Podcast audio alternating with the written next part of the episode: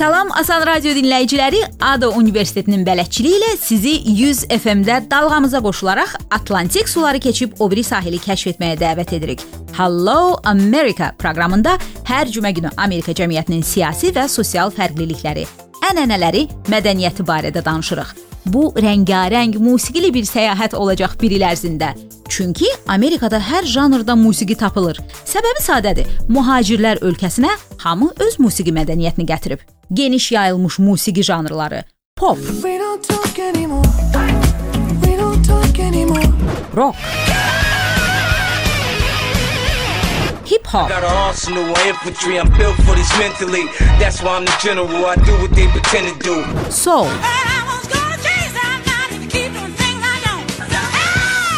jazz,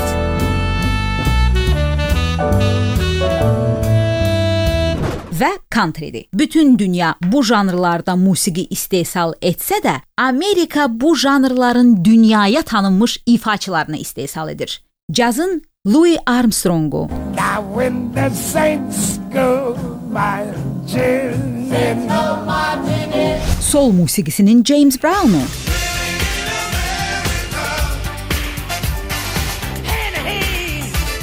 Jimi Hendrix'in rock ritimleri.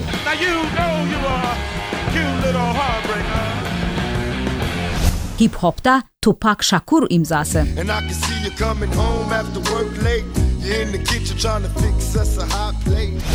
Pop musigisinin kralı Michael Jackson. Everything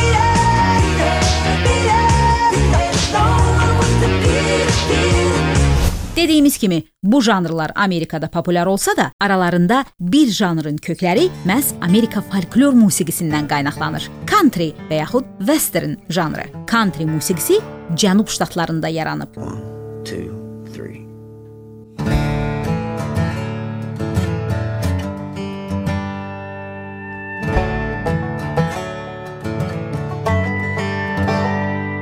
You're not supposed to say the word cancer in a song. And telling folks that Jesus is the answer can rub them wrong.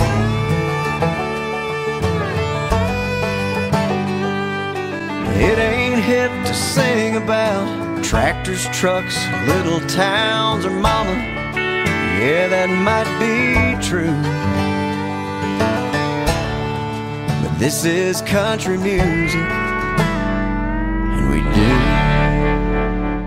Country sözü ingiliscə iki mənada istifadə edilir. Həm ölkə deməkdir, həm də ki əyalət. 1920-ci ilə qədər country musiqisinin səslənməsi nisbətən bəsit idi. Folklorun bu növü banjo, gitara, skripka və dodaq qarmonu kimi alətləri əlavə etməklə oynaq musiqiyə döndü.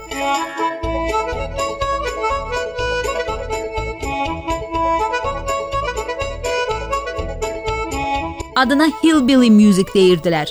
Hillbilly sözünü 1900-cü ildə New York jurnalı belə izah edirdi. Cənubdakı Alabama ştatının azad, məhdudiyyət tanımayan vətəndaşı çöllərdə yaşayır, ədəb-ərkanla danışa bilmir, viskini tapdığı yerdə içir və naqanından istədiyi vaxt atəş açır. Stereotip iki tərəfə yozulurdu. Bu həm özünə güvənən, cəmiyyətin modernləşməsinə müqavimət göstərən azad ruhlu insan, həm də o biri tərəfdən cahil və məsələləri sözlə yox, zorla həll edən adama deyilirdi.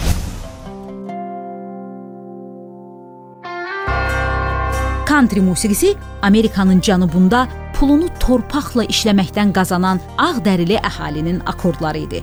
Vəhşi quraqlıq təbiəti ram etməyə çalışan, ağır şərtlərdə yaşayan kovboyların bu əziyyətli həyatdan doğan musiqi yalnız səmimiyyət və həqiqət dolu olurdu. Amma az bir zamanda bu hillbilly musiqisinin primitiv akordları dünya ilə danışan və bu təbəqənin hekayəsini anladan bir dilə çevrildi. Country həyatının əziyyətləri yoxa çıxdıqca, sənayeləşmə genişləndikcə, country musiqisi də özünü yenidən kəşf etməli idi. Rock, soul, pop musiqisindən elementlər əlavə etməklə transformasiyaya uğramağa başladı. I saw the light in a sunrise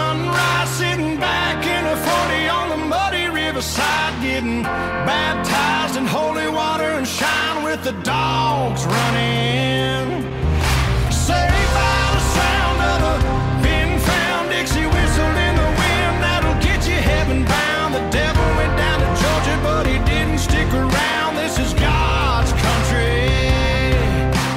Bugün country musiqisi Amerikanın musiqi aləmində böyük yer tutur və milli Amerika musiqisi kimi tanınır. Məsələn, onun sədalarını bir çox siyasi qurultaylarda və bayram paradlarında vətənpərvərliyə sövq edən digər tədbirlərdə eşitmək olar.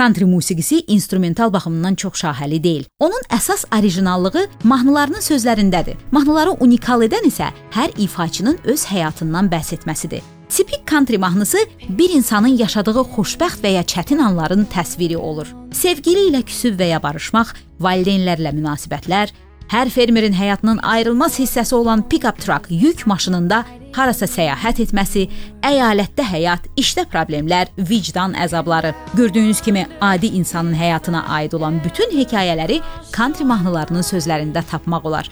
Ona görə də digər janrlara nisbətən bu musiqili melodramalar insanların ürəyinə daha tez yol tapırdı. It's a quarter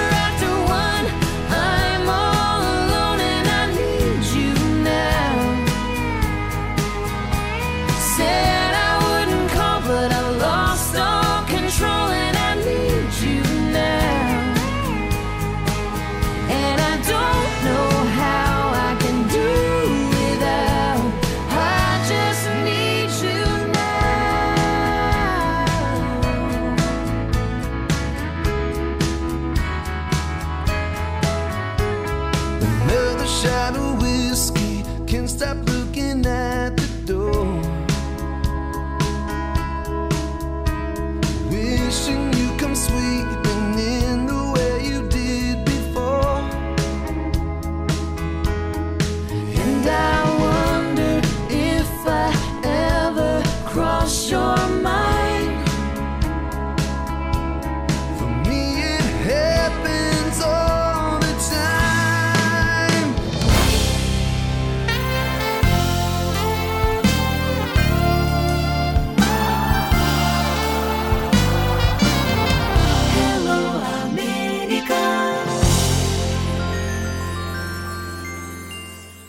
Dünya musiqi biznesinin 4 baş qərargahı var. New York, Los Angeles, London və Nashville.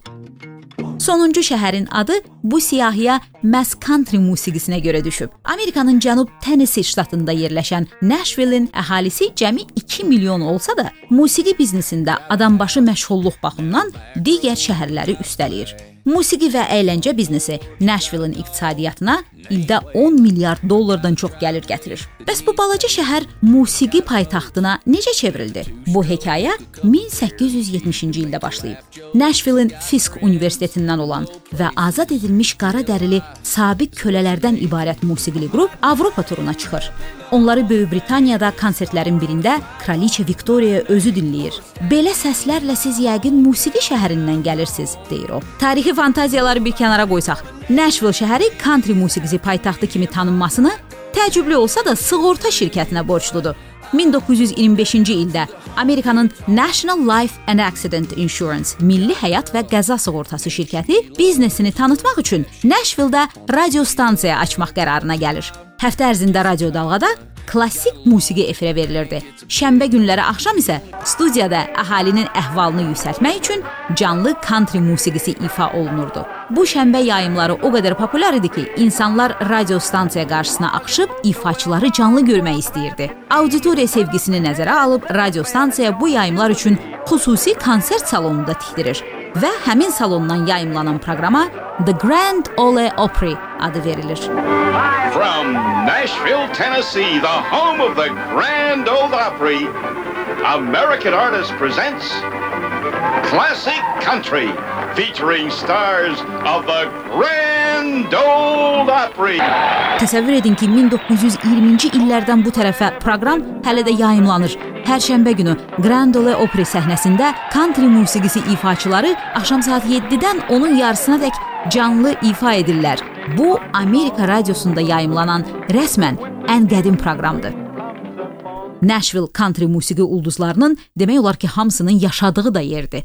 Bura gələn turistlər onların evlərinin qarşısından xüsusi təşkil edilən turlarla keçə bilərlər. Ən böyük turist axını country musiqisinin canlı əfsanəsi Dolly Partonun malikanəsinin qarşısında olur.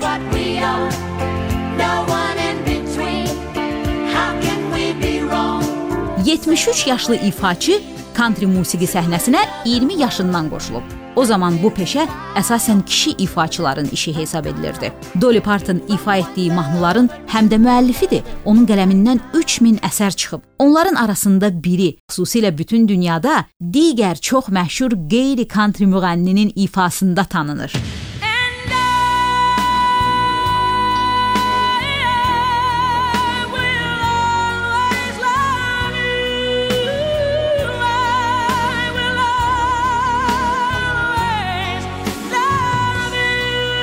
Amerikan divası Whitney Houston'ın 1992-ci ildə Can Güdən filmi üçün ifa etdiyi musiqili trek I Will Always Love You orijinal olaraq 1974-cü ildə Dolly Partonun ifasında yazılmışdı.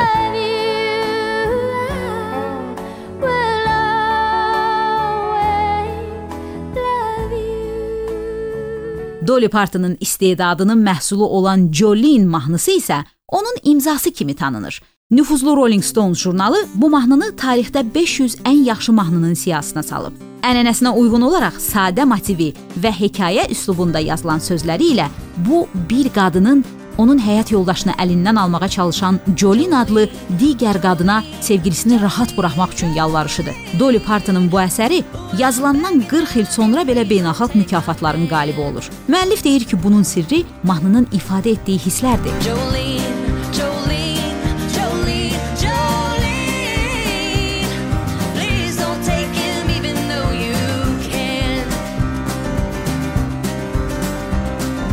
beauty